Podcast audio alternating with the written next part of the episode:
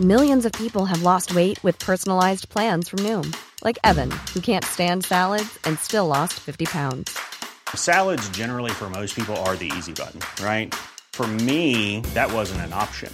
I never really was a salad guy. That's just not who I am. But Noom worked for me. Get your personalized plan today at Noom.com. Real Noom user compensated to provide their story. In four weeks, the typical Noom user can expect to lose one to two pounds per week. Individual results may vary. Ready to pop the question? The jewelers at BlueNile.com have got sparkle down to a science with beautiful lab grown diamonds worthy of your most brilliant moments. Their lab grown diamonds are independently graded and guaranteed identical to natural diamonds, and they're ready to ship to your door. Go to BlueNile.com and use promo code LISTEN to get $50 off your purchase of $500 or more. That's code LISTEN at BlueNile.com for $50 off. BlueNile.com code LISTEN. Du lyssnar på en podd från Mediahouse by RF. Hej allihopa och välkomna till systrarna Älvstrands hästpodd avsnitt 151. Hej och gott nytt år! Gott nytt år allihopa! Nu kör vi 2023. Whoop, whoop. Ja, och stort tack till 2022. Det har ju blivit ett riktigt toppenår och vi är så glada över att podden har varit så uppskattad och vi hoppas att ni vill fortsätta att hänga med oss under 2023. Ja men verkligen. Och eh, ja, vi kan ju bara presentera oss också. Jag som pratar nu heter Anna. Och jag heter Emma och det här är podden om hästar och ridsport. Och normalt sett brukar vi ju köta en hel del om våra egna hästar. Men i det här avsnittet så kommer det bli fullt fokus på sadlar och utrustning. Ja, för i det här avsnittet så gästas vi av Josefin Frey. Och Josefin hon jobbar ju som equipment coach och är sadelinpassare. Och vi har ju tagit hjälp av henne i, ja men jag tror det är typ tre, fyra år nu. Ja, det är ett gäng år och vi är så himla nöjda med henne och hon är dessutom en väldigt härlig person. Så det här kommer bli ett riktigt långt härligt avsnitt där vi får svar på alla frågor vi har när det kommer till sadlar och inpassning och hennes jobb också. Ja men exakt och jag tänker om det är någon som är intresserad av att ta hjälp av Josefin så kan jag lägga eh, lite info om hennes eh, uppgifter i infoboxen till det här avsnittet. Men eh, nu tycker jag att vi tar och välkomnar in Josefin.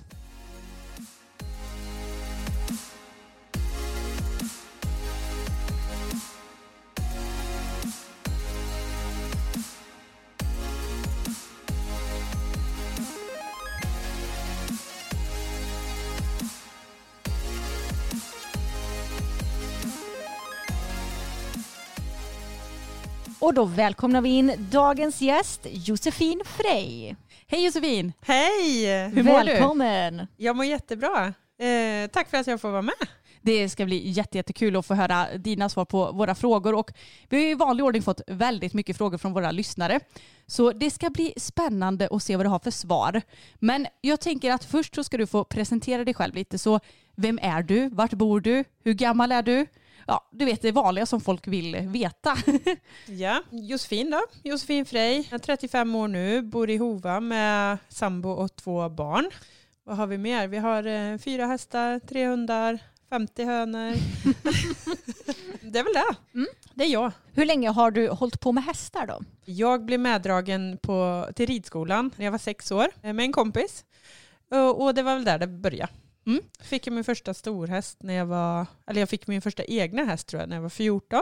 Så då blev det lite mer på allvar. Mm. Kul. Har Har du- du... tävlat någonting? Jag har tävlat, det är väl det livet går ut på höll jag på att säga. Främst hoppning då, upp till 1,30 när solen skiner.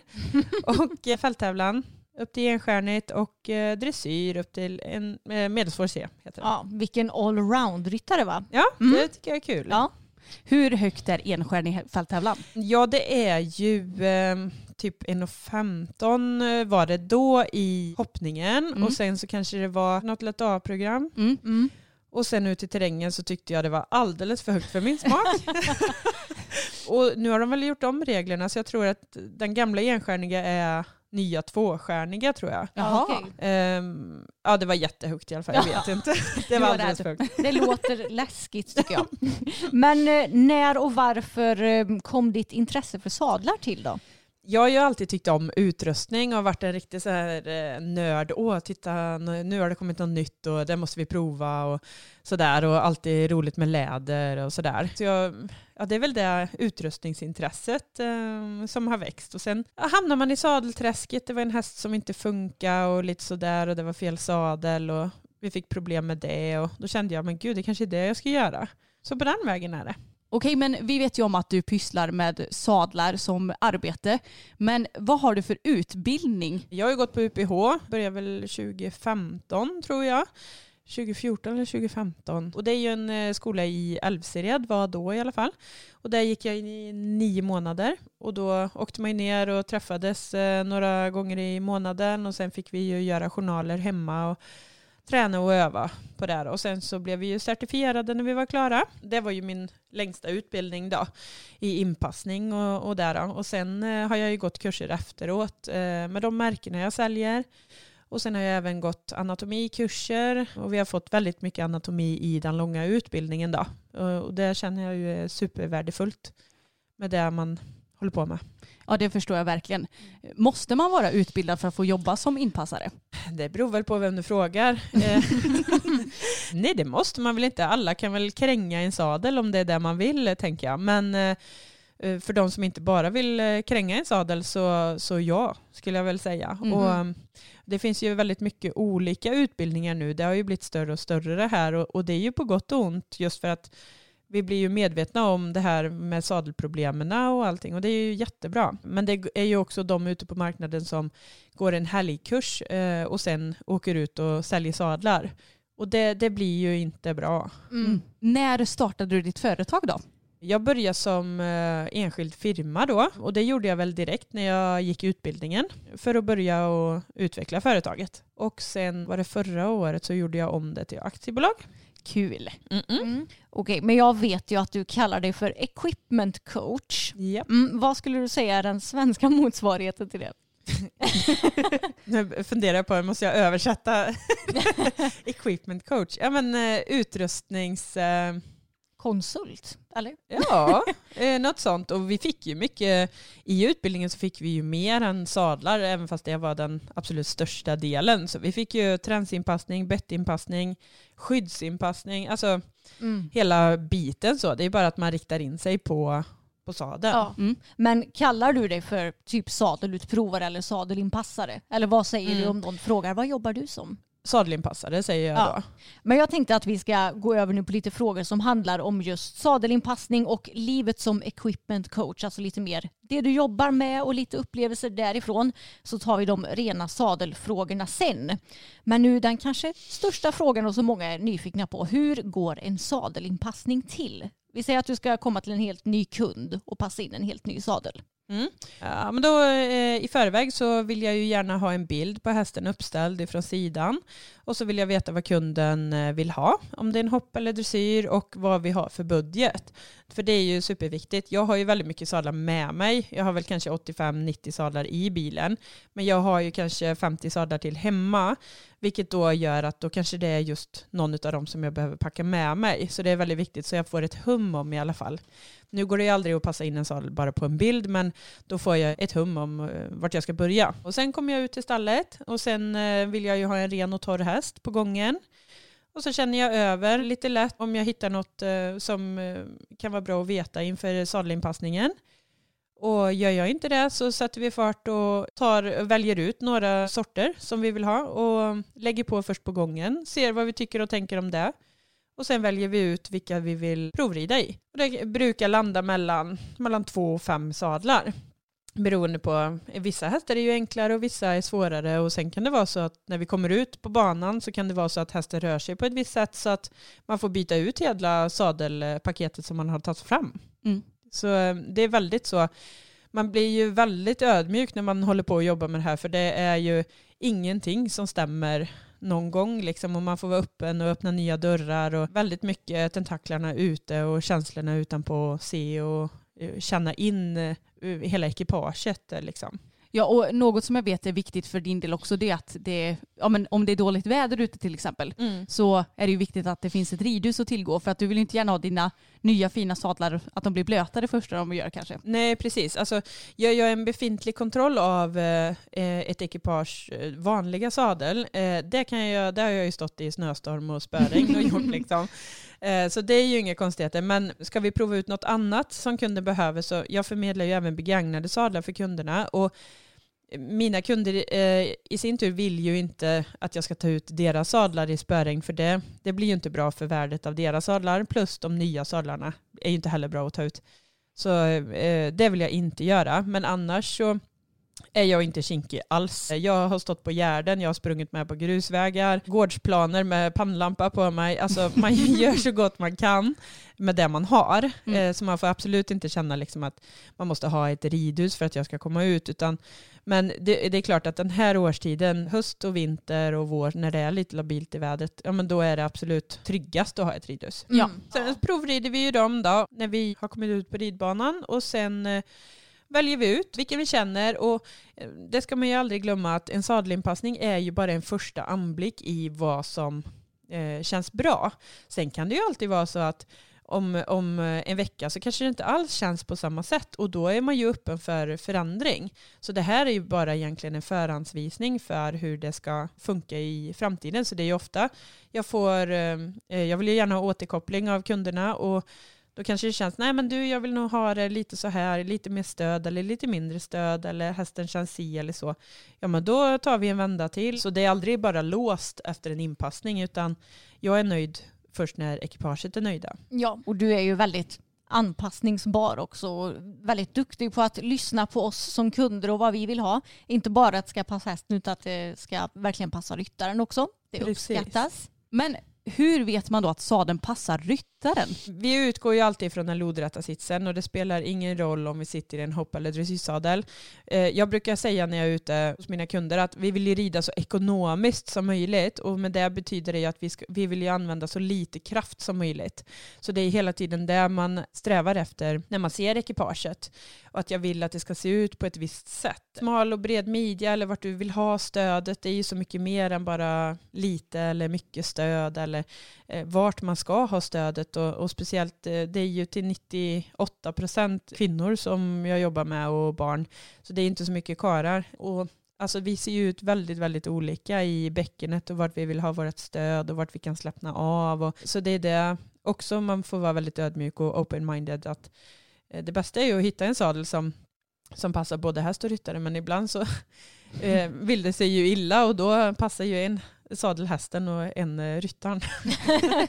Ja men lite så är det ju och du är alltid väldigt tydlig med att berätta att ja, men den här sadeln tyckte jag att du satt bättre i än den till exempel. Mm. Och det är klart att man får ju alltid gå efter sin egen känsla. Mm. Men det, jag kan tycka att när man provar en sadel och känner att det inte funkar då blir man nästan lite så här, "Ugh, nej det här känns inte Ja. bra. Alltså jag, jag tycker att som ryttare så märker jag ju själv när jag tycker att jag trivs i en sadel inte och jag tänker att för dig och ditt jobb så blir det lättare när du får se en ryttare som provar flera olika sadlar. Då kan du ju se att ja, men du satt bättre i den sadeln. Till exempel idag så red jag i två olika sadlar på Bella Mm. och då såg ju du med en gång att jag satt bättre i en av de sadlarna. Ja, och att hela kroppen kan slappna av och inte behöver göra anspänning för att sitta kvar och kunna rida avspänt. Och det är superviktigt.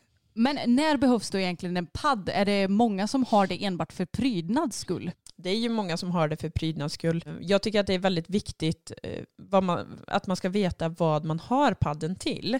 Jag är absolut inte emot padd, men bara att ha en padd för, för att den ska vara snygg eller så, det är jag väl emot om man säger. Sen är det sådär att det är inte jag som bestämmer om man ska ha padd. Jag kan bestämma, jag kan tycka att en häst som är omusklad eh, till exempel kan behöva en, eh, en stöttning för att bära sin sadel. Eh, Och då brukar jag kalla det som fejkmuskler. Att vi brukar eh, sätta dit fejkmuskler tills hästen har fått upp sin egen muskulatur. Och ibland då kan det vara nödvändigt. Men sen kan det vara så att vissa hästar idag, vi har så mycket blod i hästarna idag, att de eh, uppskattar en padd av olika slag. Det finns ju en miljard paddar ute på marknaden också. Men, ehm, och då måste man vara open-minded för det. Och då spelar det ingen roll om jag säger att nej men jag tycker inte att man ska ha padd när jag, när jag uppenbart ser på hästen att den vill ha det. Ja, för jag vet när vi köpte Boppen för många, många år sedan. Då visade han jättetydligt att jag tänker inte ridas utan padd. Han var så himla känslig. Ja. Så det är väldigt olika. Men jag tänker att det, det som kanske är bra att tänka på att man kanske inte experimenterar allt för mycket själv med paddar och grejer utan att det är bra att ha någon kunnig som kan det där. Precis, ibland får jag höra så här, nej men ska jag köpa en padd eh, som jag vill ha så att vi har med den på inpass? Nej, det tycker jag absolut inte, utan då ska vi prova ut en padd som lämpar sig för det ändamålet du ska ha den till. Mm. Eh, För det kan ju vara så, har man en sadel som passar helt perfekt utan padd, ja men då kan det vara så att vi bara vill ha lite dämpning till eller så och då kanske vi inte vill ha jättemycket padd. Sen kan det vara de hästarna som är supertunna, ja men då kan vi ju inte lägga någon liten tunn variant utan då måste vi ju skapa fejkmuskler som vi pratar om och då är det en helt annan padd vi pratar om. Mm. Eh, Så det, det är så himla olika vad man behöver. Mm. Men du sa ju förut att ibland så är det så att du hittar en sadel som passar ryttaren men inte hästen. Eller tvärtom. Hur gör du då i en sån situation? Ja, som tur är så händer det ju inte så mycket och det är också därför jag har valt att jobba med väldigt mycket märken.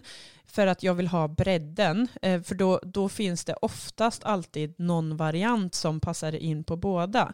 Men jobbar man bara med ett eller få märken så, då, då blir man ju väldigt begränsad och jag vill inte känna den begränsningen själv utan då, då vill jag direkt tänka okej du vill sitta sådär, du kanske vill sitta smalt eller ha mer stöd under sittbena och då, och då kan jag direkt plocka fram en annan modell som jag vet erbjuder det stödet och som är kanske lika fin som den andra vi provar Mm. för hästen.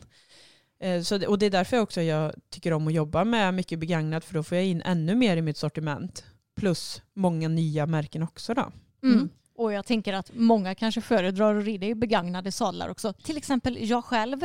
Jag tycker det är trevligt att rida i en sadel som redan är insutten. Så det är också en positiv aspekt av det där med begagnade sadlar. Absolut, och, och också att man kan erbjuda en, en bra sadel fast för en billigare peng. För eh, det har jag också haft som motto hela tiden, att jag ska göra så gott jag kan med de pengarna som folk har. Och det är klart att man kan inte kanske få allt i en sadel som kostar 5 000 spänn. Det går inte. Men man får göra så gott man kan för alla har vi olika förutsättningar och någon kanske, kanske säger max 10, någon säger max 20, någon säger max eh, ingenting.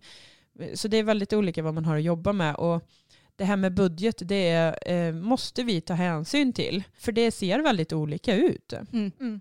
Men Josefin, stämmer det att när en sadel är för smal så åker den fram och för vid så åker den bak? Eh, ofta beter den sig så då. Ja. Men det kan också ha andra aspekter. Det finns aldrig något bara ja och nej svar utan det kan ju vara sådär, åker det fram och du säger att du har ett Gotlandsruss, ja men då säger jag direkt att vi har ett jordproblem till exempel.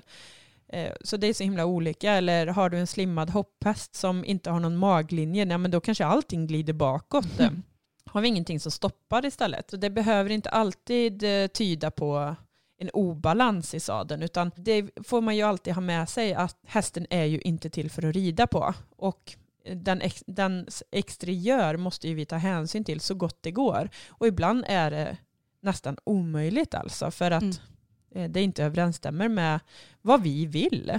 Nej, och då får man väl lösa det på andra vis som till exempel en förbygel om sadeln tenderar att glida Mm. bakåt. Absolut, och eh, det är väldigt få gånger som det blir lite extremt då, men ibland så är det så, extrema fall, och då kanske man får göra så. Då har man gjort allt man kan åt sadeln och jorden, men det stannar inte ändå. Då får man göra så. Mm. Eller en svanskappa om det är ett gotlandsruss. Ja, exakt. Exakt. Men jag tänker på när du åker ut till ridskolor och har utprovningar. Hur går det till? För jag tänker att det är ju så många olika hästar och även ryttare som ska rida Mm. på ridskolor. Absolut, och eh, ridskolehästarna värmar vi ju jättemycket om. För är det några hästar som tjänar sina egna pengar så är det ju dem. Och då brukar vi alltid tänka så att då kör vi löpande bandprincipen. Och eh, då försöker vi ha så mycket folk som möjligt på plats. Och eh, så har vi eh, rullande, liksom att det kommer in hästar. Och så kollar jag deras befintliga sadel och paddar. Och de har hängt fram allting som vi behöver. Så att vi håller nere den eh, ekonomin också för klubben. Och sen har jag ju även specialpris för klubbarna just för att det ska eh, gynna och att de vill kolla sadlarna på hästarna. Och så jobbar vi så mycket vi kan med det de har. Mm. Eh, stoppar om deras egna sadlar eller eh, kanske byter sinsemellan och ofta så finns det lite extra sadlar som de kan eh, använda. Så så jobbar vi och kanske vi får byta ut någonting och sådär. Men efter några år sedan, jag har ju några klubbar runt omkring här och när man har hållit på några år och bytt ut lite paddar och bytt ut lite sadlar och sådär, då har man ju rätt bra park alltså det sista. Så, och då kan man ju jobba väldigt bra med det man har. Ja, det Mm. måste verkligen vara värt att ta hjälp av en equipment coach när det kommer till ridskolor också för den delen. Men jag tänker, du sa löpande band. Är det Mm. många olika ryttare också som kommer och rider i sadlarna eller är det bara till hästarna Nej, då, kanske vi, då kanske vi har personalen Ja. eh, och sen eh, ofta så eh, försöker vi ta det på något lov då vi har några barn med oss som kan hjälpa till. Och, då kanske det är fyra hästar igång samtidigt. Att vi sadlar en, en värmer upp och en går in och lite så så alla har en uppgift och så kikar jag under tiden, någon sadlar på någon annan och så byter vi på någon annan och så byter de där. Och det är ett eh, jäkla sjåande. Så det krä, krävs några människor. Men de som eh, jag har varit hos några år, de har ju vanan inne. Då är det en lista med hästarna och vad de ska ha för sadlar och paddar och då går det väldigt fort. Mm. Så det, man kan säga att om ni vill ta hjälp av Josefin och en klubb så se till att ha gjort ordning och reda innan. Ja, så går det snabbare. Då går det undan. Hur mycket skada kan en dåligt sittande sadel göra både på kort och lång sikt? Jätteskada. Jag kan säga att, jag brukar alltid säga så till mina kunder att eh, hellre att man sparar in pengar på täcken och skydd eller köper ett billigare träns till sin sadel än att spara in pengar på sadeln. För det är som att vi kan, eh, vi kan ju springa i eh, lite dåligare byxor men vi vill gärna ha bra skor på oss. Och Oh, det ja. brukar jag tycka är en bra jämförelse för sadeln är- tycker jag absolut är A och O. Nu är jag väldigt partisk men så tycker jag. Eh, Det är mycket bättre att lägga krut på sadeln. Det är ju så, jag menar har vi ingen bekväm ryggsäck om vi ska bära tunga saker om vi säger då det blir inte, det blir inte bra. Det Nej. belastar allting. Och med det i tanke att det, de är inte till för att rida på. Mm, precis. Och det, ja, jag, jag tycker att det är lite intressant det här med hästvärlden för många gånger kanske sadlarna kan vara lika dyra eller mm, åtminstone kanske hälften så dyra som hästarna vi rider på. Men jag tänker också att du ska ju använda den här sadeln nästan varje dag, Mm. året om. Åtminstone nästan varje dag i veckan om hästen och du själv håller dig frisk. Och jag menar, ja, det, det säger ju sig självt att då behöver du ha något som passar både dig och hästen. Mm, absolut. Men ibland så kan ju en sadel behöva stoppas om. Mm. Vad görs under en omstoppning? Då tar man ju loss bossan ifrån bommen. Och bossan är ju den som är eh, under till, underredet brukar jag kalla det, eh, som ligger mot hästen. Kudden. Ja, precis. Då tar man bort den och sen så checkar man ju så att bommen är hel och att den är rak eh, för det första. Och att, eh, eller om man behöver göra någonting med den. Annars så eh, tar man ur den gamla stoppningen. Så finns det ju hål på undersidan av bossan. Och sen så drar man ur den gamla och sen så fyller man den med ny. Ja, och det är lite olika vad den kan vara stoppad med va? Det finns ju allt möjligt. Det finns ju väldigt mycket olika syntetstoppningar. Mjukare och lite hårdare varianter i olika märken. Och sen så finns det ju ren ull också som används väldigt mycket. Och det är lite olika också. Det är ju också där man får vara väldigt uppmärksam och ibland kan det vara så att man ska byta stoppning i en sadel fast man byter ja, ifrån syntet till vanlig ull eller, eller vice versa och att hästen reagerar väldigt positivt på det. Mm. Eh, så det lär man sig också efterhand och se lite hästtyp. Eh, Vad man tror att de kan passa och än så länge har det stämt rätt bra. Mm. Har du någon stoppning som du personligen föredrar? Ren ull. Ja, och det finns väl luftstoppning också va? Mm. Mm. Det finns eh, luftstoppning och sen så finns det ju foam också då, i olika hårdheter om man säger. Eh, Och det är också eh, vad hästen tycker om och eh, stabiliteten. En del vill ju ha det väldigt mjukt och göttigt och eh, följsamt och en del vill ha det lite stabilare. Det är precis samma som om vi vill ha lösa eller hårda knutna skor. Mm. Eh, ibland så har jag kommit ut på den häst och jag tycker men gud den här sadeln ligger ju jätteskönt och bekvämt och så byter vi sadel till en eh, som nästan är eh, alldeles för hård och jag får inte in ett finger någonstans och hästen tycker att det är skitgött alltså. och då är det bara för mig att acceptera att den vill ha sina skor knutna hårt. Ja. Men hur ofta behöver man stoppa om sin sadel? Det är väldigt olika. Eh, det beror också på hur symmetrisk hästen är och hur symmetrisk du är. För ett stort pekfinger upp här att 99% av oss är ju osymmetriska. Så det är inga konstigheter att jag kommer ut och sen oftast så är ju en bossa mindre än den andra. Eh, För vi är skeva i, i, i oss. Liksom. Vi är höger och vänsterhänta. Hästarna börjar ju redan när de ska äta ifrån mamma och välja att ställa fram ett ben framför det andra för att nå under till tutten. Och redan där så blir de starka och svaga i, i en sida precis som vi. Så vi får jobba med varandras asymmetrier. Mm. Eh, och det är bara att acceptera. Det är bara att göra det så jämnt som möjligt. Och, och då blir det ju så också att har vi en ullstoppad sadel då blir det ju asymmetri efterhand. Och är det så att vi har en väldigt rak ryttare och en rak häst, ja men då kanske det går betydligt längre. Och sen eh, det första när man köper en ny sadel, då är den ju stoppad väldigt fluffigt ifrån fabriken och den är god och sådär. Och då ty- tycker nog många att åh vad bra, nu behöver jag inte göra någonting med min sadel på flera år. Men så är inte fallet, utan när man köper en helt ny sadel som är stoppad med någon variant av ull, då pyser ju den ihop när man har ridit ett gäng gånger. Och då behöver man göra en återkontroll som jag tycker är superviktig. Och eh, då kan det vara så att man behöver fylla på lite ull i sadeln för att sen köra på ett litet längre tag.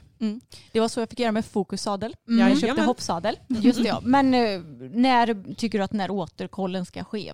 Ja, det är också så svävande. Det är ju go with the flow alltså. det kan ju vara efter en månad och det kan vara efter ett halvår. Ja. Så det är superolika från fall till fall om man säger. Har man en bra musklad häst fast man har sökt en annan sadel bara och allting är bra, ja men då kan man vänta lite. Men är det så att vi har kanske köpt en häst precis nu, den är lite tunn och omusklad, kanske har kommit utomlands ifrån och rest och det har tagit lite på dem, ja men då eh, provar vi ut kanske en lite smalare sadel eller med en padd eller vi gör någon sån lösning och då kan det vara så att vi behöver kolla rätt snart igen just för att det kan hända saker när hästen har bytt allting i livet. Ja men det går ju alltid att fråga dig också när du tycker att man ska ta Ja. en återkoll. Absolut. Mm. Och jag tycker att det är väldigt viktigt att ha en dialog längs vägen så att man inte bara provar ut en sadel, ny eller begagnad och sen eh, helt plötsligt så eh, får hästen ont någonstans för att man har väntat för länge. Utan eh, mycket hellre att man hör av sig efter en stund och om man undrar någonting, att du nu känns det så här eller vad ska vi göra här eller skicka en bild eller bara så jag får ett hum om det för då kan man vara med längs vägen så det inte hinner bli några stora saker. Mm. Nej exakt. Men när det kommer till begagnade sadlar då, som har någon sorts ullstoppning, hur ofta generellt tycker du man behöver stoppa om dem? Om man har sin egna sadel tänker du Ja. eller? Ja. Eh, man brukar ju säga en gång om året så ska man göra en, en eh, kontroll av sin Ja. sadel. Och beroende då på om man är rak eller sned se- själv då. Kanske det är lagom att stoppa om en gång om året eller så klarar den sig längre. Mm. Men finns det någon risk att sadeln inte längre passar hästen efter en omstoppning? Nej, är bommen rätt från början, bomformen, att den passar, då ska det ju inte vara några problem. Vad är det vanligaste felet som hästägare gör när de köper eller väljer ut en sadel själv? Jag antar då utan någon sorts inpassare. Ja, det finns alla olika former höll jag på att säga. Jag kan ju ta ur, ehm, många säger sådär, jag har provat 20-30 sadlar och det är ingenting som funkar. Men det handlar ju ofta om eh, bomformer och vart man ska landa på ryggen. Vart är din hästs starkaste punkt där den kan bära dig? Och det är ju också svårt att veta för gemene man kanske som inte är så haj på anatomi. Så dels det att man kanske hamnar för långt bak på eh, hästen eller rent av för långt fram. Eh, för alla hästar kan inte bära så långt fram. Också hur stropparna ser ut och eh, vart jordläget är. Det ska ju passa in med sadelläget och ofta idag på dagens moderna hästar så, så gör det inte det. Nej, du, det är lustigt att du säger det. För att när jag skulle köpa min dressyrsadel då, då hade inte jag någon kontakt med dig utan det har jag köpt av en annan. Mm. Och då så var jag så sugen på att testa en Antares, tror jag man säger. Och den, om jag hade sadlat på fokus med den sadel som jag testade då hade jag ju Mm. fått sadla honom liksom, ja men tänk dig typ 30-40 centimeter bakom hans framben. Ja. För att de stropparna satt helt åt skogen om man skulle ha den på honom. Mm. Så det är ju sånt som är jätteviktigt som man kanske inte tänker på när man bara slänger på en sadel. Precis, och, och ofta så får jag ju bilder och så ah, nej, jag tycker sadeln känns jättekonstig och så har de sadlat på och så står hästen som i en eh, eh, tvångströja fram för att jordläget är längre fram än sadelläget och så får de inte på jorden om de inte sadlar upp på bogarna. Och då brukar jag alltid säga att du får sadla bak 5-10 centimeter. Ja men då funkar inte med jorden. Och det, eh, här blir det ju ofta problem. För att man får inte förknippa ett jordläge med ett sadelläge. Det är två helt olika saker. Och de ska man bara försöka få så gott man kan eh, och stämma överens. Men annars så jordlägesproblem är ju också väldigt vanliga och det kan också göra att sadeln glider fram eller bak eller åt sidan. Och, så jordar är en, helt, en hel värld för sig. Finns det några tips på hur man själv kan se om en sadel ligger någorlunda bra? Ja, balansen tycker jag ju är eh, det första. Och eh, mankfriheten vill vi ju ha. Så för en lekman så ska man kunna stoppa in handen eh, ordentligt och kunna greppa manken på ett bra sätt även när man sitter på hästen. Vi ska kunna ställa oss upp i lätt sits och den får fortfarande inte nudda manken. Mm. Så balansen och mankfriheten är eh, det absolut första tycker jag man kan kika på. Ja, och balansen, då ska man se att sadeln varken ligger för långt bak och trycker eller eh, lättar. Ja, Bak. precis. Att den ska Mm. ligga i våg kanske man kan kalla det. Ja. Mm. Och det är ju sånt som är lite svårt. Men man kan alltid ta och titta lite på sadeln tycker jag när man ska försöka se om den ligger i balans eller inte. Då kan man lyfta lite bak och se att nej men nu blir den ju för hög Mm. och den ligger nog ganska bra i bak och så hålla på och Mm. liksom kika lite. Nu Mm. är jag ju absolut ingen expert. Det finns ju en anledning till varför du kommer och kikar hos oss några men gånger per år. Jag tycker ändå att det var ett bra tips. Anna. Ja, men då Mm. kan man ändå kika lite liksom. Ja men exakt. Och just det här med mankfriheten tycker jag är superviktigt för det är så många sadlar och så många ryttare som rider runt och så att bommen bottar alltså på Mm. manken och, och det är inte bra. Nej. det kan ju inte vara så bekvämt för Nej. hästen. Nej, verkligen. Men vilka tecken finns det på att hästen inte trivs med sadeln? Oh, allt. Det beror ju på också vad man sitter på för häst. En del reagerar väldigt starkt och en del reagerar ju inte alls och de blir ju skadade ofta. Ja. Mm. För att ingen reagerar. Och då får de ju inte bara ont i ryggen utan ont i benen och knäna. Och det blir väldigt mycket så. Och, men tecken på, ja det är ju det första som man absolut ska vara vad heter det? Uppmärksam, uppmärksam på. Det är ju när man kommer med sadeln. Vad gör hästen? Står den helt avspänt eller reagerar den? Så det är det, om den börjar traja på gången, vad tycker den när vi spänner sadeljorden? Det kan ju vara att hästen tycker att just den sadeljorden inte är bra. Den kan tycka att sadeln inte är bra. Och sen vill den stå still när du hoppar upp. Vill den gå fram till pallen eller stannar den innan pallen? Vill den gå iväg? Vill den inte fatta galopp? Vill den springa in i galoppen? Sparkar den? Kör upp huvudet? Blir trajig i munnen? Alla tecken kan vara problem med sadeln. Och sen är det ju en miljon andra orsaker också till varför en häst gör så. Men eh, man kan se alla de här beteendena i eh, sadelrelaterat. Mm. Vad gör man om hästen ändrar sig väldigt mycket i överlinjen efter säsong? Jag tänker att många hästar kan ju falla ur lite när det blir vinter och sådär. Ja, det är ju superolika. Men det är ju väldigt många som ändrar sig. De blir lite tunnare höst, vinter så när gräset försvinner. Och sen eh, kommer de igen på vår, sommar. Det är ju bara att vara öppen och se. Det kan vara så att man kan eh, ändra direkt i, i sadlarna. Det finns ju väldigt mycket olika sadlar idag. Och många har ju koppjärn i sig till exempel. Någon kanske kör med ett vidare koppjärn på sommaren och smalare på vintern. Eller så kör vi kanske med min eh, favorit trapeziuspadden på, på vintern. Eller kanske en fårskinnspadd beroende på. Det är också där man får vara öppen och se från individ till individ. Och sen kan jag nästan ställa klockan efter nyår. Då kommer skavfrågorna. Ja. Då är det någonting. Och då ska vi också komma ihåg att pälsen dör ju och blir, det blir dålig kvalitet där. För då börjar de ju byta ut till sin eh, sommarpäls. Och då när vi rider och kanske har gått ner lite i vikt och sadeln, eh, det blir lite friktion av sadeln eller schabraket, då kan det räcka med den här lilla schabrakskanten i bak så får de stora, stora skav. Och det behöver inte alltid vara sadelrelaterat utan det är helt naturligt att pälsen blir så himla dålig kvalitet. Och det är Mm. väldigt viktigt att ta i beaktning att det behöver inte vara problem med sadeln utan det är helt naturligt. Mm.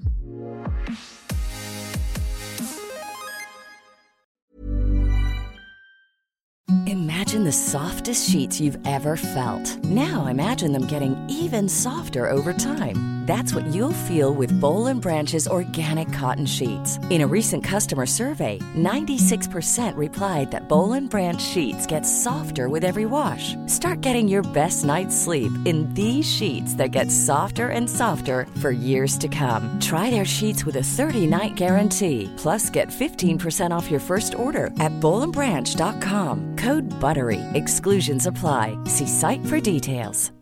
Hey Dave, Yeah, Randy. since we founded Bombus, we've always said our socks, underwear, and t shirts are super soft. Any new ideas? Maybe sublimely soft. Or disgustingly cozy? Wait, what? I got it. Bombus. Absurdly comfortable essentials for yourself And for those facing homelessness. because one purchased equals one donated. Wow, did we just write an ad? Yes. Bombas. Big comfort for everyone. Go to bombas.com slash ACAST and use code ACAST for 20% off your first purchase.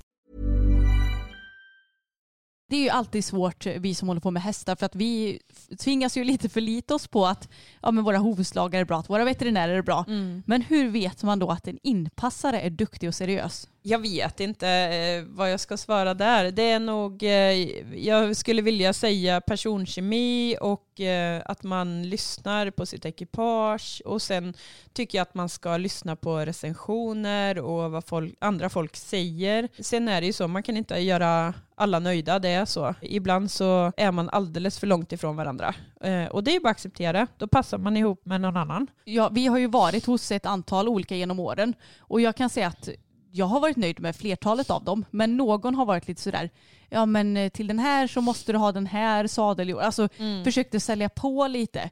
Det tycker jag är oseriöst. Ja, jag, jag tycker att det är ett varningstecken. Ja. det känns som att sadelutprovaren bara vill sälja på dig grejer istället för att lyssna på dig och din budget och det som du önskar. Precis, och det är där de här sadelkrängarna kommer in då kan jag Ja. tycka. Och, och många jämför ju också med, oh, jag, jag tänker inte ta hjälp av någon annan än en sadelmakare. Och det är bara det att om man kollar i hur mycket utbildning en sadelmakare har inom sadlarna så är ju det en timmes sadelinpassning på tre år eller tre och ett halvt år tror jag det är. Oj. Ja, och sen eh, ett par veckor i sadel. Sen klär de räcken och eh, gör bilstolar och eh, allt annat. Så jag tycker att man ska gå in och lä- läsa läroplanen för vad folk är utbildade inom. För jag tycker att sadelmakarna gör ett fantastiskt jobb och det finns ju bra och dåliga där med, precis som det finns med sadelinpassare. Och, och jag säger inte att de som har gått en helgkurs inte är duktiga, för de kan vara fantastiskt duktiga och ha världens känsla. Men jag tycker att man ska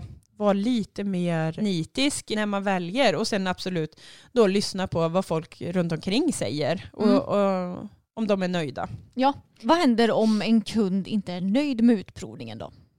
Det beror ju också på vilket sätt. En, en inpassning är ju alltid min åsikt. Sen är det ju upp till kunden att tycka att den är bra eller inte. Tjänsten är ju egentligen vad jag tycker. Sen är det ju så olika vad man tycker. Även inpassarna. Så det jag rekommenderar kanske inte någon annan rekommenderar och vice versa. Är man inte nöjd med saden eller är man inte nöjd med tjänsten? Det är lite olika. För jag ger ju egentligen bara mitt personliga råd på inpassningen. Men är man inte nöjd med varan, ja men Mm. då har man alltid 14 dagars ångerrätt. Och det har man alltid eh, när man köper i, i Sverige i alla fall. Eh, och det ska man komma ihåg. Och, och det är också därför när man provar in en sadel, precis som vi sa förut, att det är ju bara en förhandsvisning av det här tror vi att vi tycker om. Sen är det väldigt viktigt i och med att vi har 14 dagars ångerrätt att vi då provar varan och ser. För på 14 dagar så hoppas jag verkligen att man har kommit fram till, tycker jag och hästen om det här? Mm.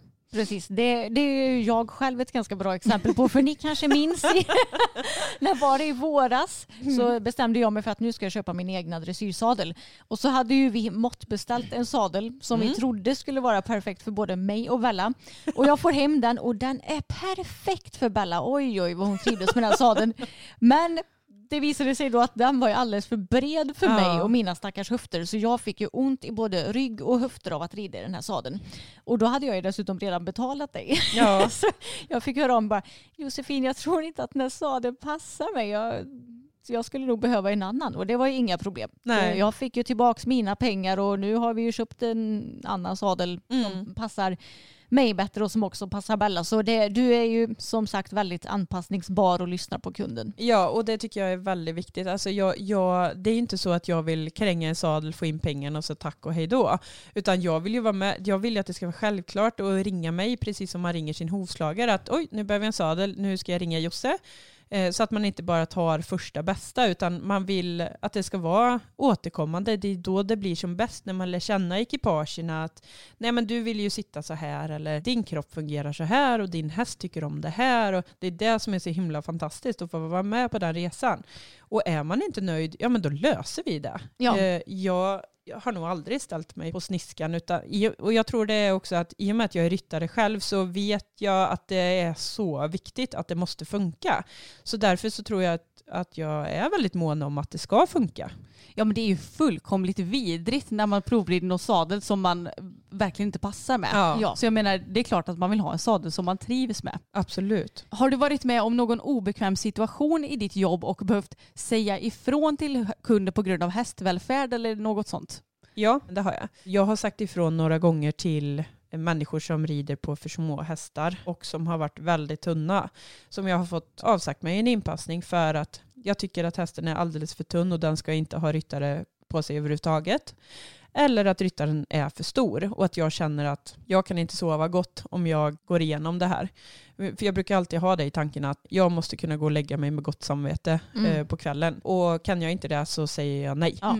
Och jag träffar tyvärr väldigt mycket halta hästar. Mm. Och eh, då säger jag alltid till att jag tycker att jag är fel kvinna att ta kontakt med nu. Jag tycker att den ska träffa en veterinär. Så gör jag tyvärr flera gånger i veckan. Mm. Så, ja, det verkar ju som att det finns en hel del kanske lite obekväma situationer i ditt jobb då. Eller Ja. jag hade tyckt det i alla fall, för jag är ju lite konflikträdd och då hade jag tyckt det varit svårt att gå fram till någon och bara ja, du är för stor för din häst. Men det är ju någonting som du måste göra ur en hästvälfärdssynpunkt. Ja, den, den är obekväm, men jag är inte konflikträdd. Nej, det är, det är ju väldigt bra. Ja, men du är ju väldigt rak och, Ja. och så. Och det passar ju väldigt bra om man ska ha ditt jobb. Ja, jag hoppas att de som anlitar mig anlitar mig för att de känner att de kan lita på mig. För det är precis det du säger, att jag, jag är rak och ärlig, jag lindar inte in någonting och det är så jag vill ha det. Liksom. Okej, men då tänkte vi gå över till lite allmänna sadelsnack och lite tips. Så första frågan.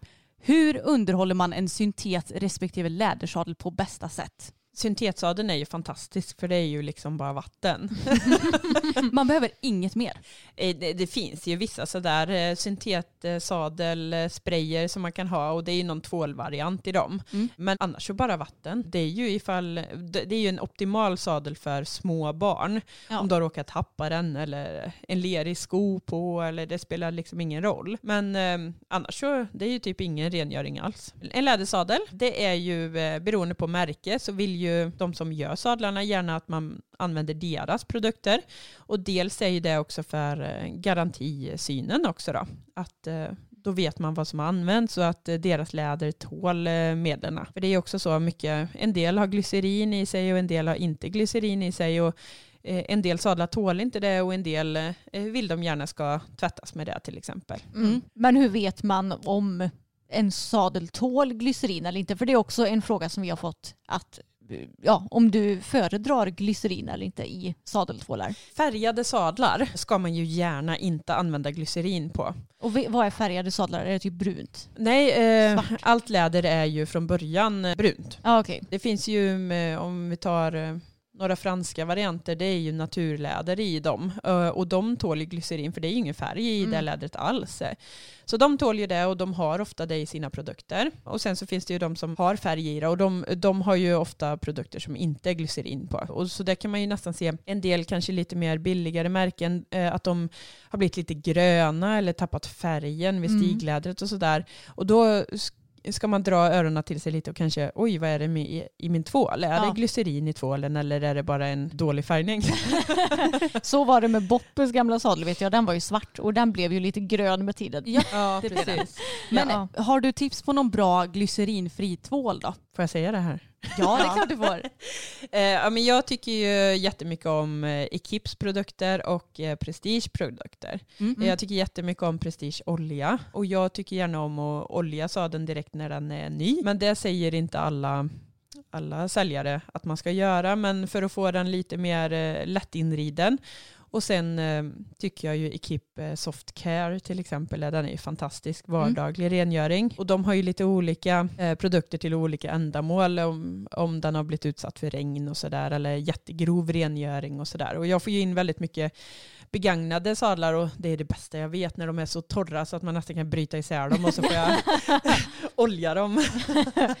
Okej, så Equip och Prestige-produkter är Mm. dina favoriter. Mm. Det tycker jag. Du pratar om olja. Mm. Hur ofta ska man olja? Man ska vara försiktig med med olja, det ska man. Men det första när, när sadeln är sprojlans ny så tycker jag att det kan vara bra att olja några gånger just för att få lädret lite levande direkt ifrån fabrik. Men sen ska man vara varsam. Eh, Kanske någon gång i halvåret eller så. Det beror också på hur man sköter sin sadel emellan. Mm. Är det så att man inte putsar sin sadel alls, ja men då torkar den ju ut rätt fort. Men nu finns det så himla mycket vårdande produkter på marknaden så då behöver man ju inte göra det så ofta. Mm. Nej. Nej, jag kan ju säga att eh, jag har ju råkat överolja mindre sysadel lite. Ja. Och eh, det var inget bra. Den, eh, den, jag blev, såg det. den blev bubblig och nu har den faktiskt till och med gått sönder lite i lädret. Mm. Eh, Vilket är skittråkigt. Men Mm. samtidigt så vet jag att det får jag ju stå för själv. Och eh, det är inte hela världen. Man kan ju liksom laga en Ja, sadel ja. så det är inte hela Mm. världen. Men eh, gör inte det Fox. Jag har gjort det misstaget. Ja. Men då har jag ju också en fråga här då. För att eh, det finns ju många produkter. Det finns ju ett sadeltvål. Mm. Det finns olja och så finns det läderfett. Mm. Är det ett big no-no på sadel eller är det bra? Det här är ju, frågar du tio stycken så får du tio olika svar. så, så min personliga det är ju att beroende på vad man gör med sin sadel, men Equip har ju en som heter Clean till exempel, det är ju väldigt grov rengöring. Om det är mycket stöv på sadeln eller man har varit ute och galopperat i och lera liksom och sånt där, ja men då är den jättebra. Då blir det djuprengöring. Sen har de ju en eh, Care till exempel. Den är ju både och, lite vårdande och så. Det tycker jag är ju väldigt trevligt när det är lite både och. Och oljan. Men jag tycker inte om balsam. För jag tycker att det bara lägger sig som en yta och bara klibbar igen porerna. Och nej, det blir inte bra. Nej, alltså jag hatar läderfett. Ja, det är jag typ tycker- den värsta produkten jag vet. Jag tycker inte om det alls. Alltså, det är Nej. därför jag tycker, tycker att eh, just rengöringen och lite condition på liksom, eller eh, den här eh, oljan. För den håller porerna öppen och då, och då är sadeln mer levande tycker jag än det här kladdet. Ja, och det känns också som att olja tränger in mycket bättre i sadeln än vad fett gör tycker Ja. jag. Ja. Och, och precis då som du säger att den tränger in mer. Det är därför också man ska vara mer försiktig och göra det mer sällan för Mm. att den, den gör verkligen det. Lägger Ja. sig inte bara utanpå. Nej, den går in på djupet så att säga. Ja. Men när det har regnat och du har haft ute din sadel och ridit i regn, behöver du ta hand om den på något specifikt sätt? Ja men då? då är väl enda gången jag eh, kör fett. Mm. Just för att eh, då, den kanske är dyngsur och blöt. då, så då, och då, då kan det vara bra med fett. Ja, men är det bra att låta sadeln lufttorka eller ska man helst torka av den så gott det går när den är blöt? Jag gärna torka av så fort det går. Mm. Okej, men har du något personligt favoritmärke på sadlar? Ja, jag är ju så här, det är ju precis samma som när jag lyssnar på musik. Jag är så här eh, intronörd. jag lyssnar på tio sekunder och sen byter jag. Lite så med det också. Eh, Jag byter lite allt möjligt.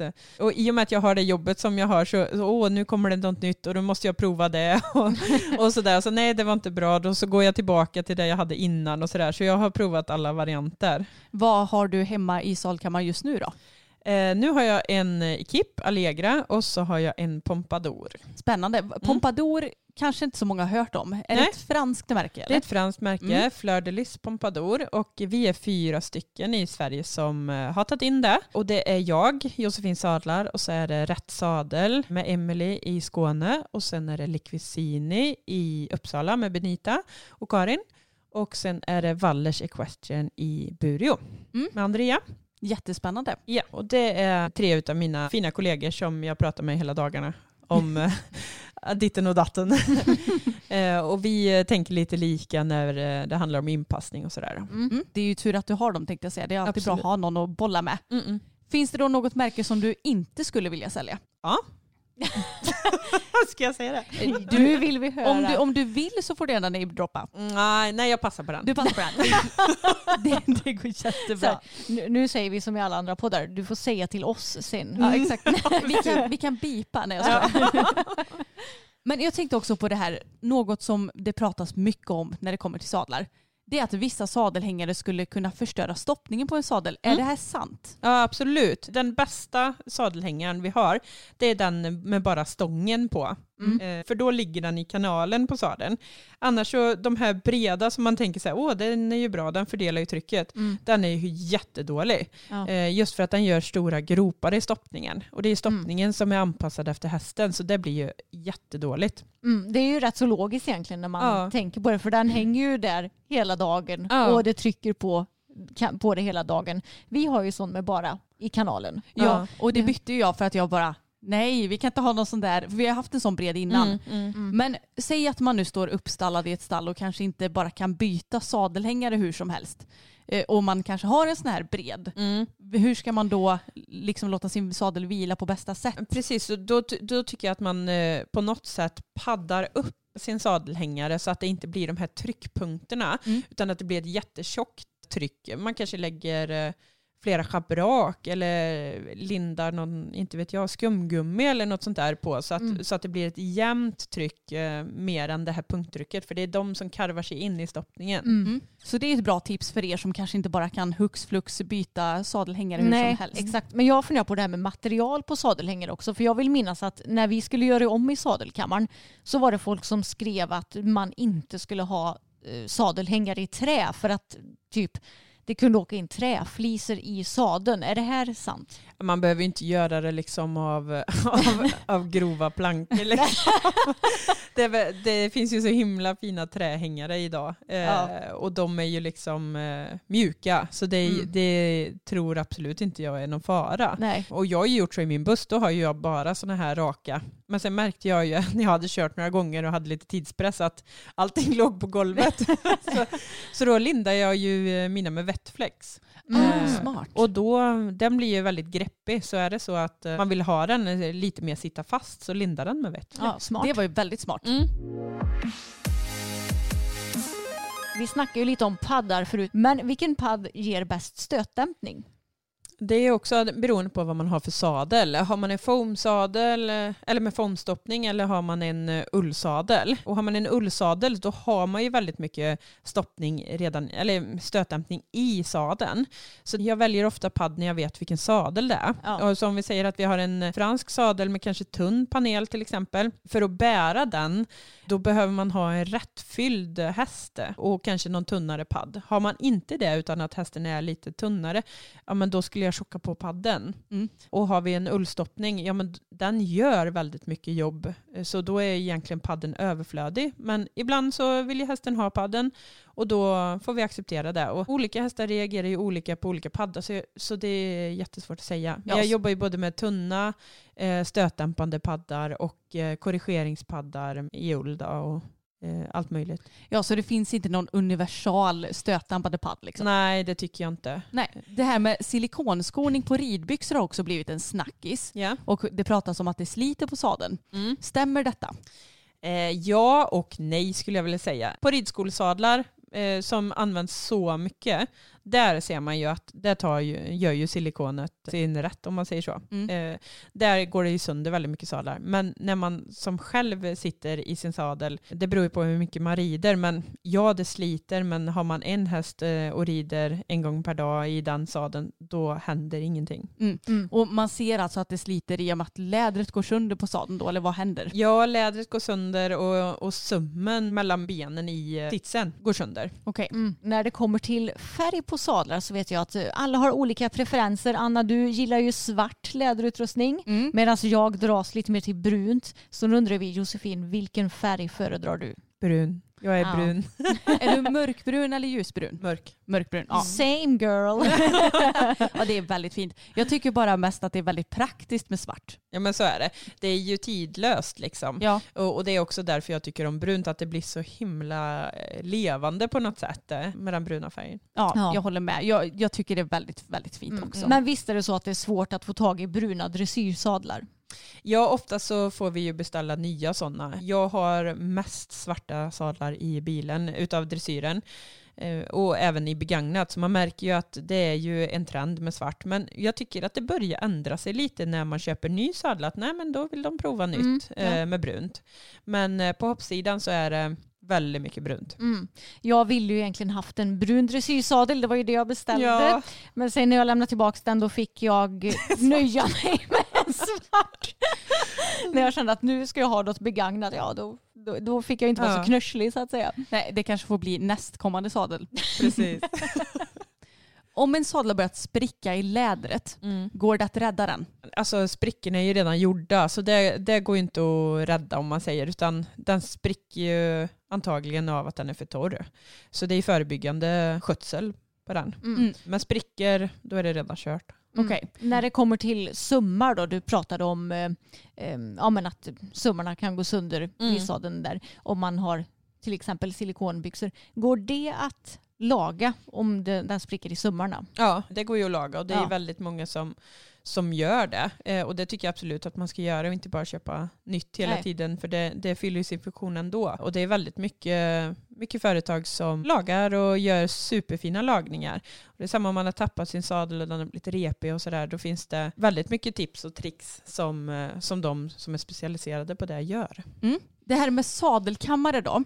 Det finns ju de som kanske inte har tillgång till att ha uppvärmd sadelkammare. Men hur avgörande är sadelns hållbarhet ifall man har en uppvärmd sadelkammare eller inte? Jag skulle säga att den tar ju mer stryk av eh, att hänga kallt till exempel och rått och sådär. Så det, det absolut bästa är ju att den hänger i, i eh, lite plusgrader och, och normal miljö. Liksom. Mm. Finns det någon optimal temperatur att ha i sin sadelkammare? 8-15 grader. Alltså, eh, Inte skitvarmt men inte kallt precis. heller. Ja. Nej, så, att det, så att det torkar sadeln utan eh, lagom. Mm. Vad gör man om en sadel gnisslar? Det beror på vad det är som gnisslar. Eh, är det bomgnissel så ska man ju lämna in den och få bommen kollad så att det inte är någon nit eller något järn som har släppt. Och har man koppjärn i sin sadel så ska man dra åt skruvarna och kolla så att järnet sitter fast. Och sen finns det ju läderknarr och det kan ju vara att eh, det knarrar av läder inuti sadeln. Och då brukar jag ha som råd att eh, då kommer fett in i bilden. och, då, och då har vi gjort så att då fettar man insidan av eh, bosserna till exempel och insidan av sadeln i alla skrymslen och så. Kommer man inte åt, ja, men då petar man in en pensel med olja till exempel och sådär. Då brukar det ofta ge sig. Mm. Kan man undvika skav mellan kåpan och stiglädret? Alltså du vet där Där stiglädret benet går. Ja, kan exakt. säga. Förstår du hur jag menar då? Ja, ehm, och oftast så har vi då ett skap på vänstra kåpan och det är ju för att eh, 90% av oss sitter åt höger. Eh, det är supervanligt. Vart har du ditt skav? Gud jag har inte ens funderat på det. Nej, Jag har ju på båda sidor men jag försöker fundera. Vad bra, då är du rak. ja, jag vet att jag har på båda i alla fall men det är något vi- mer på en sida. Det är något vi får kolla upp imorgon. Men finns Mm. det, kan man undvika det på något sätt eller är det bara helt normalt? Det beror ju på, alltså, eh, antagligen så är det ju ett flaxigt stigläder som eh, går fram och tillbaka. Så det är ju hur skänken är. Och är det så att du inte kan hålla still skänken, ja men eh, vart sitter du i sadeln? Och då kanske det är något som är vajsing med din balans i sadeln. Mm. Men på tal om sadlars hållbarhet och sådär. Hur länge håller en sadel om man tar hand om den på bästa sätt? Det är också olika från märke till märke. Köper man en billigare sadel, ja men då är ju den gjord av ett billigare läder till exempel. En billigare bom, billigare stoppning för att hålla nere priset. Och sen finns det, går man upp i pris, ja men då, då är det ju oftast bättre kvalitet på, på allting. Och vi har ju några riktigt gamla rävar, Stybben och Passir och de här. En Passirsadel den kan ju komma in och vara jag menar 45 år gammal. så, så de överlever ju en själv. Men eh, kanske en eh, av eh, billigare pris kanske håller i 10 år. Ja, Mm. Beroende på vem som sköter dem. Ja, så är det ju alltid. precis. Hur räddar man en kalvskinnsadel som har blivit oljad för mycket? Det här har ju jag varit med om. precis. Och vad gjorde jag? Jo, jag sket i olja under väldigt lång tid. Jo men det är så man får göra så att den, man försöker torka den. För kalvskinn och olja rimmar ju väldigt dåligt. Och det är ju för att oljar man och det går in väldigt mycket då töjer sig kalvskinnet i och med att det är så mjukt och så vid friktion så går det ju sönder. Så det är ju egentligen försöka låta sadeln torka upp. Ja, och man kan ju säga lite att alltså, en sadel har ju porer precis som vi Mm. har och oljan svettas ju lite ut med tiden. Mm. Alltså svettas ju inte sadeln, men Nej. ni förstår vad jag menar. Mm. Så för min del var det ju bara att vänta och nu har ju sadeln blivit normal igen. Mm, mm. Så det är inte värre än så, men det är inte så kul när man väl har råkat överolja lite. Nej. Och jag tycker, jag tycker det är, många tror att man ska ta hand om sin sadel var, efter vartenda pass, varenda dag. Men jag tycker inte det gör någonting om man glömmer av sin sadel och på sin höjd rengör den någon gång i veckan eller varannan vecka eller så. Det gör ingenting. Eh, sen behöver man inte glömma av det och göra det en gång i halvåret heller. Men, men just att många tror att man måste sköta den varje dag och då upplever jag där precis som du sa att man överoljar den och övertvättar den så att den går sönder för det. Mm. Vilken tur för mig. den, min sadel, den, ja, jag brukar putsa den inför tävling annars så får den vara. Ja, och, och, och det är ju inte så tokigt det. Har man eh, lite aktiv eh, tävlingstermin, ja men då kan Ja. ju det vara perfekt. Varannan, var tredje vecka sådär kanske. Exakt. Eller så. Och ska man vara sånt, det är inte min sadel som har gått sönder på grund av att jag har överoljat den. Precis. Där, Det min sadel är att, mer hållbar än Vad nu ska du vara tyst. Finns det några för och nackdelar med bom versus bomfri sadel?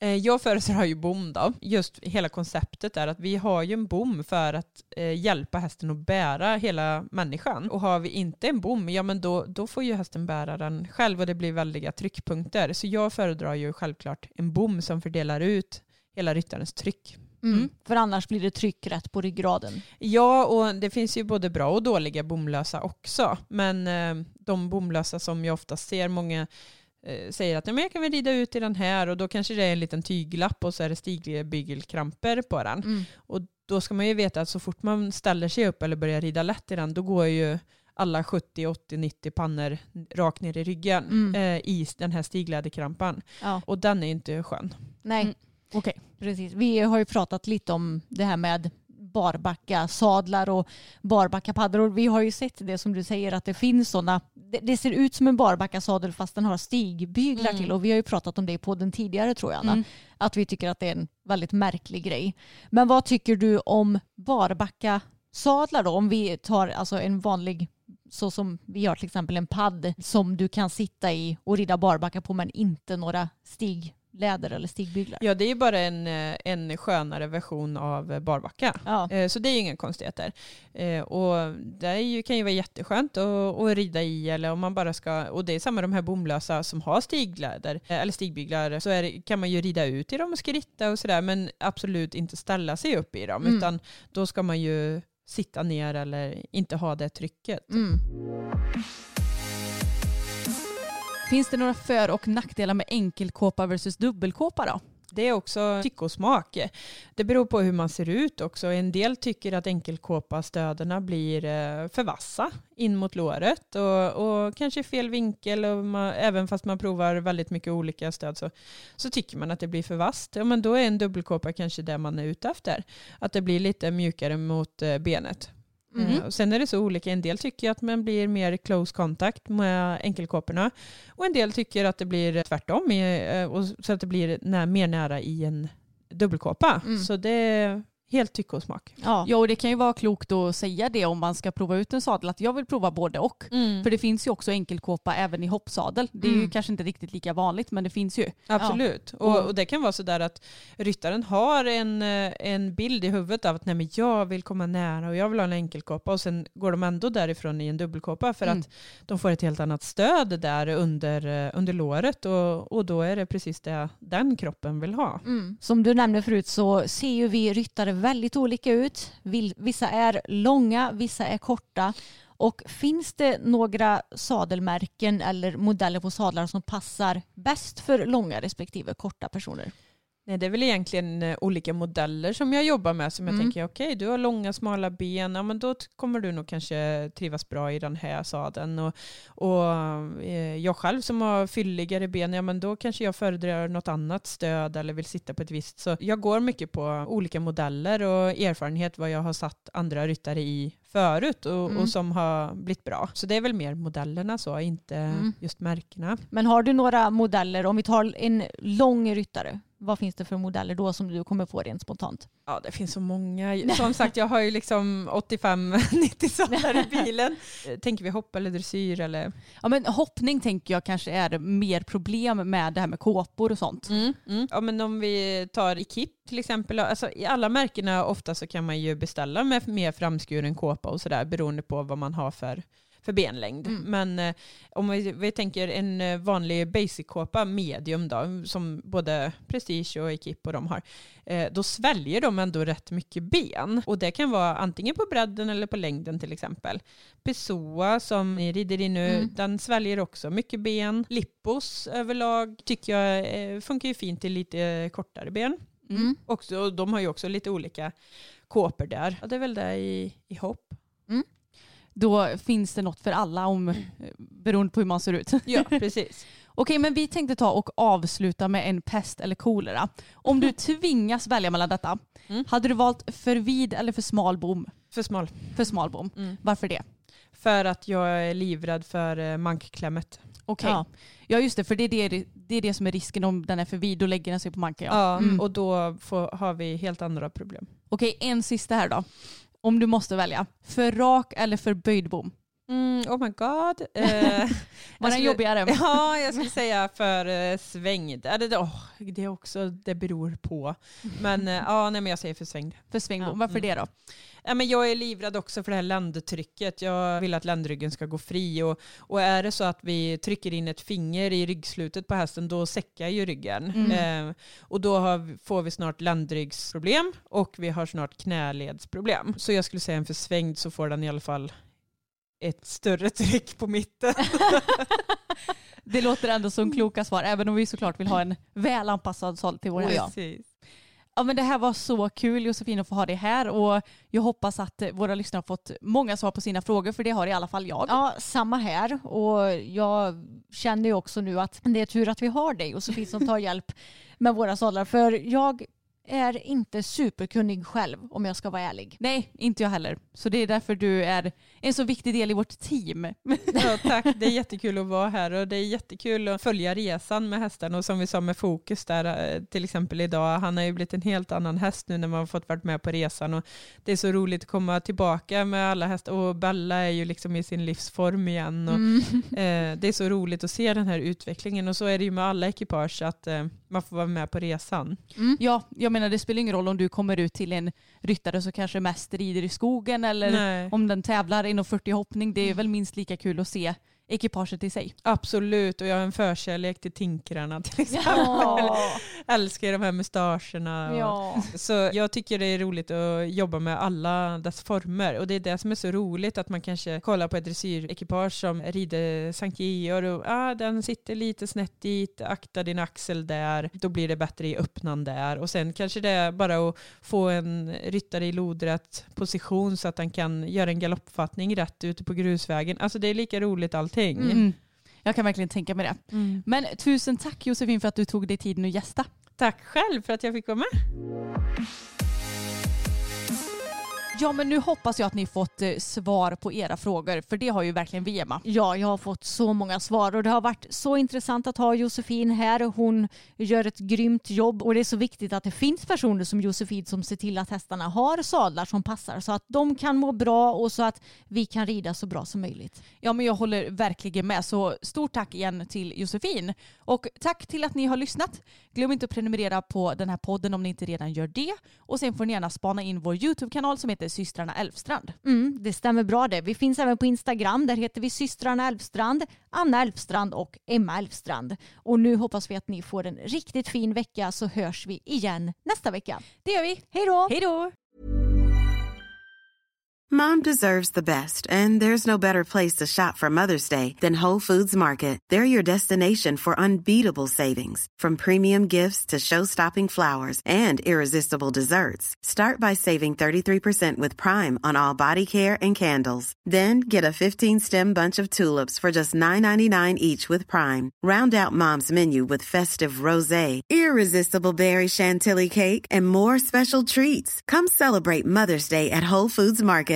This message comes from BOF sponsor eBay. You'll know real when you get it. It'll say eBay Authenticity Guarantee. And you'll feel it. Maybe it's a head turning handbag, a watch that says it all, jewelry that makes you look like the gem, or sneakers and streetwear so fresh every step feels fly. eBay gets it. So look for the blue check mark next to that thing you love and be confident that every inch, stitch, sole, and logo is checked by experts. With eBay Authenticity Guarantee, you can trust that feeling of real is always in reach. Ensure your next purchase is the real deal. Visit eBay.com for terms.